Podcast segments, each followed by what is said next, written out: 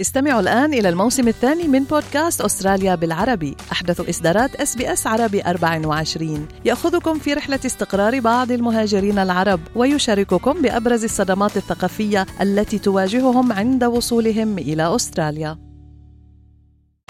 أنتم برفقة SBS عربي 24 اكتشفوا المزيد من القصص العظيمة على sbs.com.au arabic.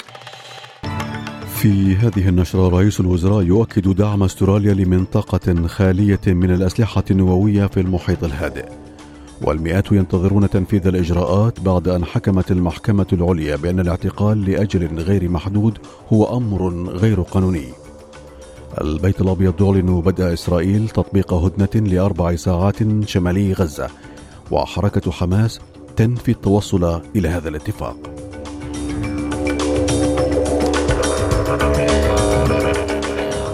على التميم يحييكم وعليكم تفاصيل النشرة ونبدأ النشرة حول اجتماع قادة المحيط الهادئ حيث يتواجد رئيس الوزراء أنتوني ألبانيزي هناك إذ يعيد قادة منتدى جزر المحيط الهادئ النظر بمعاهدة إنشاء منطقة خالية من الأسلحة النووية جنوبي المحيط الهادئ.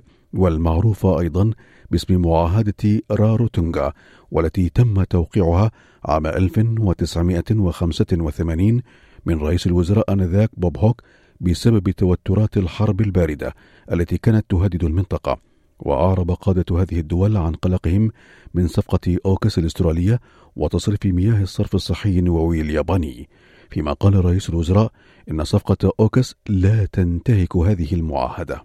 Uh, all of the arrangements that were put in place uh, have been consistent with that, and it, it, retains our support. Uh, we think it's a good treaty. That's why we signed it. Uh, that's why a whole range of countries, including Pacific Island nations, have signed up to it, and it's a positive thing taking us forward. هذا وقدمت شركة أوبتس اعتذارها لمشتركيها إثر انقطاع خدماتها قبل يومين لمدة تزيد عن 12 ساعة فيما أعلنت عن تعويض عملائها المتضررين بتقديم 200 جيجا بايت إضافية مجانا في الأشهر القادمة. وأقرت الرئيس التنفيذي لشركة أوبتس كيلي باير روزمارين بأن ما حدث قد أضر بمشتركي الشركة في مثل هذه الخدمة الضرورية التي تبقيهم على اتصال بمحيطهم. وفي شأن محلي آخر ينتظر مئات الأشخاص النتيجة بعد أن قضت المحكمة العليا بأن الاحتجاز لأجل غير محدود هو أمر غير قانوني ما دفع إلى اتخاذ إجراءات عاجلة لمراجعة وضع الأشخاص غير القادرين على العودة إلى بلدهم الأصلي. فيما قالت المحكمة بأن ما لا يقل عن 92 محتجزا ممن لا يمكنهم العودة إلى بلادهم الأصلية سيطلق سراحهم قريبا وقد ينضم إليهم حوالي 340 محتجزا خلال الفترة القادمة. فيما أوضح مركز طالبي اللجوء أن 124 شخصا لا يزالون محتجزين في أستراليا منذ أكثر من خمس سنوات. فيما قالت وزيرة الخارجية بيني وونغ إن الحكومة تعمل على تحديد الآثار المترتبة على ذلك. We are considering the implications of the judgment carefully. Uh, and will continue to work with authorities to ensure community safety is upheld. I'm advised that the decision of the High Court uh, does overturn a 20 year precedent uh, and could trigger the release of a number of people uh, in detention. Uh, obviously, the government will work through this decision. وفي شأن عمالي أسترالي انتقد عضو مجلس الشيوخ جاكي لامبي وديفيد بوكوك الحكومة لمحاولة منع اتخاذ مجموعة جديدة من الإجراءات الخاصة بحماية العمال منها وقف التمييز ضد العمال الذين يواجهون العنف المنزلي وحماية وتأمين مدفوعات الاستغناء وتنظيم استخدام مادة السيليكا التي قد تؤدي أو قد يؤدي غبارها إلى مرض تنفسي غير قابل للشفاء. وقال سيناتور بوكوك إن هذه الإصلاحات تتطلب إلحاحا ولا ينبغي أبدا إدراجها في مشروع قانون مثير للجدل. I said to the government from the start, please do not make this an omnibus bill. And it was news to you know, the Australian um, Federal Police Association and others that the PTS provisions would be included in an omnibus bill. Clearly, these provisions, uh, many of them start 1 January. In the bigger uh, omnibus bill, the other 16, many of them start uh, July 1 next year or later. And so these were not only just the urgent ones, but the ones that have, as we saw today, broad support and consensus. وفي غرب استراليا سيتم تقديم حوافز رائدة لمالكي العقارات للإقامة والإيجار.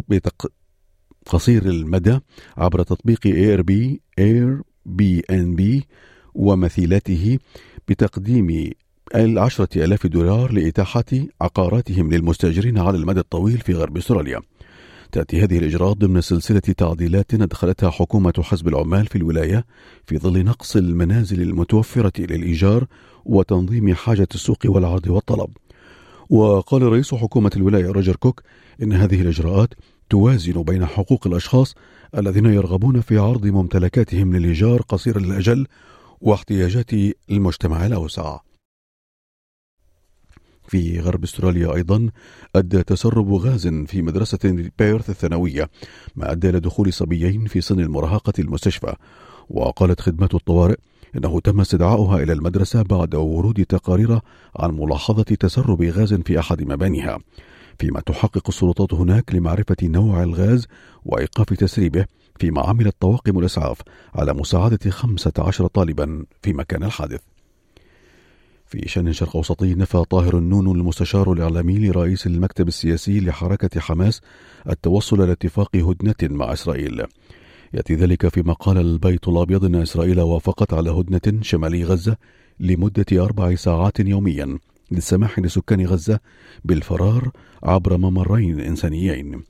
يتزامن ذلك مع انسحاب الجيش الإسرائيلي من مخيم جنين بعد اقتحامه المخيف منتصف الليلة الماضية ما أدى لحدوث اشتباكات أدت لمقتل 14 فلسطينيا مع إصابة أكثر من 20 شخصا وفق وزارة الصحة الفلسطينية. فيما قال الجيش الإسرائيلي أنه سيصدر بيانا لاحقا عن هذه الاقتحامات فيما دانت وزارة الخارجية الفلسطينية اقتحام القوات الإسرائيلية لمدينة جنين. هذا وقد أعيد اليوم فتح معبر رفح بين قطاع غزة ومصر لعبور عدد محدود من جرحى القصف الإسرائيلي وحاملي جوازات السفر الأجنبية وفق ما صرح مدير إعلام المعبر وائل أبو عمر. وعبر إلى مصر هذا الشهر ألفي شخص يحملون جوازات أجنبية وفقا لهيئة المعابر الفلسطينية. وتمكن خلال الفترة ذاتها 107 جرحى و13 مريض سرطان و90 من مرافقيهم مغادرة القطاع الذي تفرض عليه إسرائيل حصارا مشددا منذ بدء الحرب هذا ومن المقرر أن تشهد السعودية يوم السبت المقبل قمة عربية طارئة لمناقشة الحرب الدائرة في غزة وإيجاد حلول لوقف الحرب وإعلان الموقف العربي والإسلامي من القضية الفلسطينية. في العراق قال مصدران بالجيش إن الأنظمة الدفاعية في قاعدة عين الأسد الجوية أسقطت طائرة مسيرة قرب القاعدة التي تستضيف قوات أمريكية. فيما لم تقع أي إصابات هناك فيما أشار مصدران أيضا أن طائرة مسيرة مسلحة استهدفت قاعدة الحرير الجوية التي تستضيف قوات أمريكية في أربيل شمالي العراق أسقطتها الدفاعات الجوية. فيما قال أيضا مصدر إن عبوة ناسفة استهدفت دورية مشتركة للقوات الأمريكية وجهاز مكافحة الإرهاب العراقي قرب مدينة الموصل شمالي العراق ما أدى إلى إلحاق أضرار بمركبة بمركبة دون وقوع إصابات. هذا ولم يرد متحدثون باسم السفارة الأمريكية في بغداد والقوات الدولية بقيادة الولايات المتحدة المتمركزة في العراق بعد على التعليقات حول هذه الأحداث. في يسار العملات بلغ سعر صرف الدولار الأسترالي مقابل الدولار الأمريكي 64 سنتا امريكيا. في أخبار الرياضة اعتبر كثيرون دفع تعويضات بملايين الدولارات لأحد الناجين من الاعتداء الجنسي على الأطفال ضد نادي في الدوري ال AFL the Western Bulldogs باعتبار هذا اليوم هو يوم هو يوما تاريخيا. ويأتي ذلك بعد محاكمة استمرت لأربعة أسابيع في المحكمة العليا في ملبورن حيث وجدت هيئة محلفين مكونة من ستة أشخاص أمس أن النادي كان مهملا في هذا الموضوع. الآن إلى درجات الحرارة المتوقعة لهذا اليوم فهي كما يلي. في بيرث الجو غائم جزئيا 24 درجة. في أدليد الجو مشمس 40 في ملبورن الجو صاف 31 درجة مئوية. في هوبرت الجو مشمس 25 كيمبرا الجو فيها غائم جزئيا 28 سيدني غائم جزئيا 27 بريسبن غائم جزئيا أيضا 27 في داروين عواصف متوقع هناك مع 32 درجة مئوية. كانت هذه نشرة الأخبار. قرأها على حضراتكم علاء التميمي من SBS عربي 24 شكرا لإصغائكم. هل تريدون الاستماع إلى المزيد من هذه القصص؟ استمعوا من خلال Apple Podcasts، Google Podcasts، Spotify أو من أينما تحصلون على البودكاست.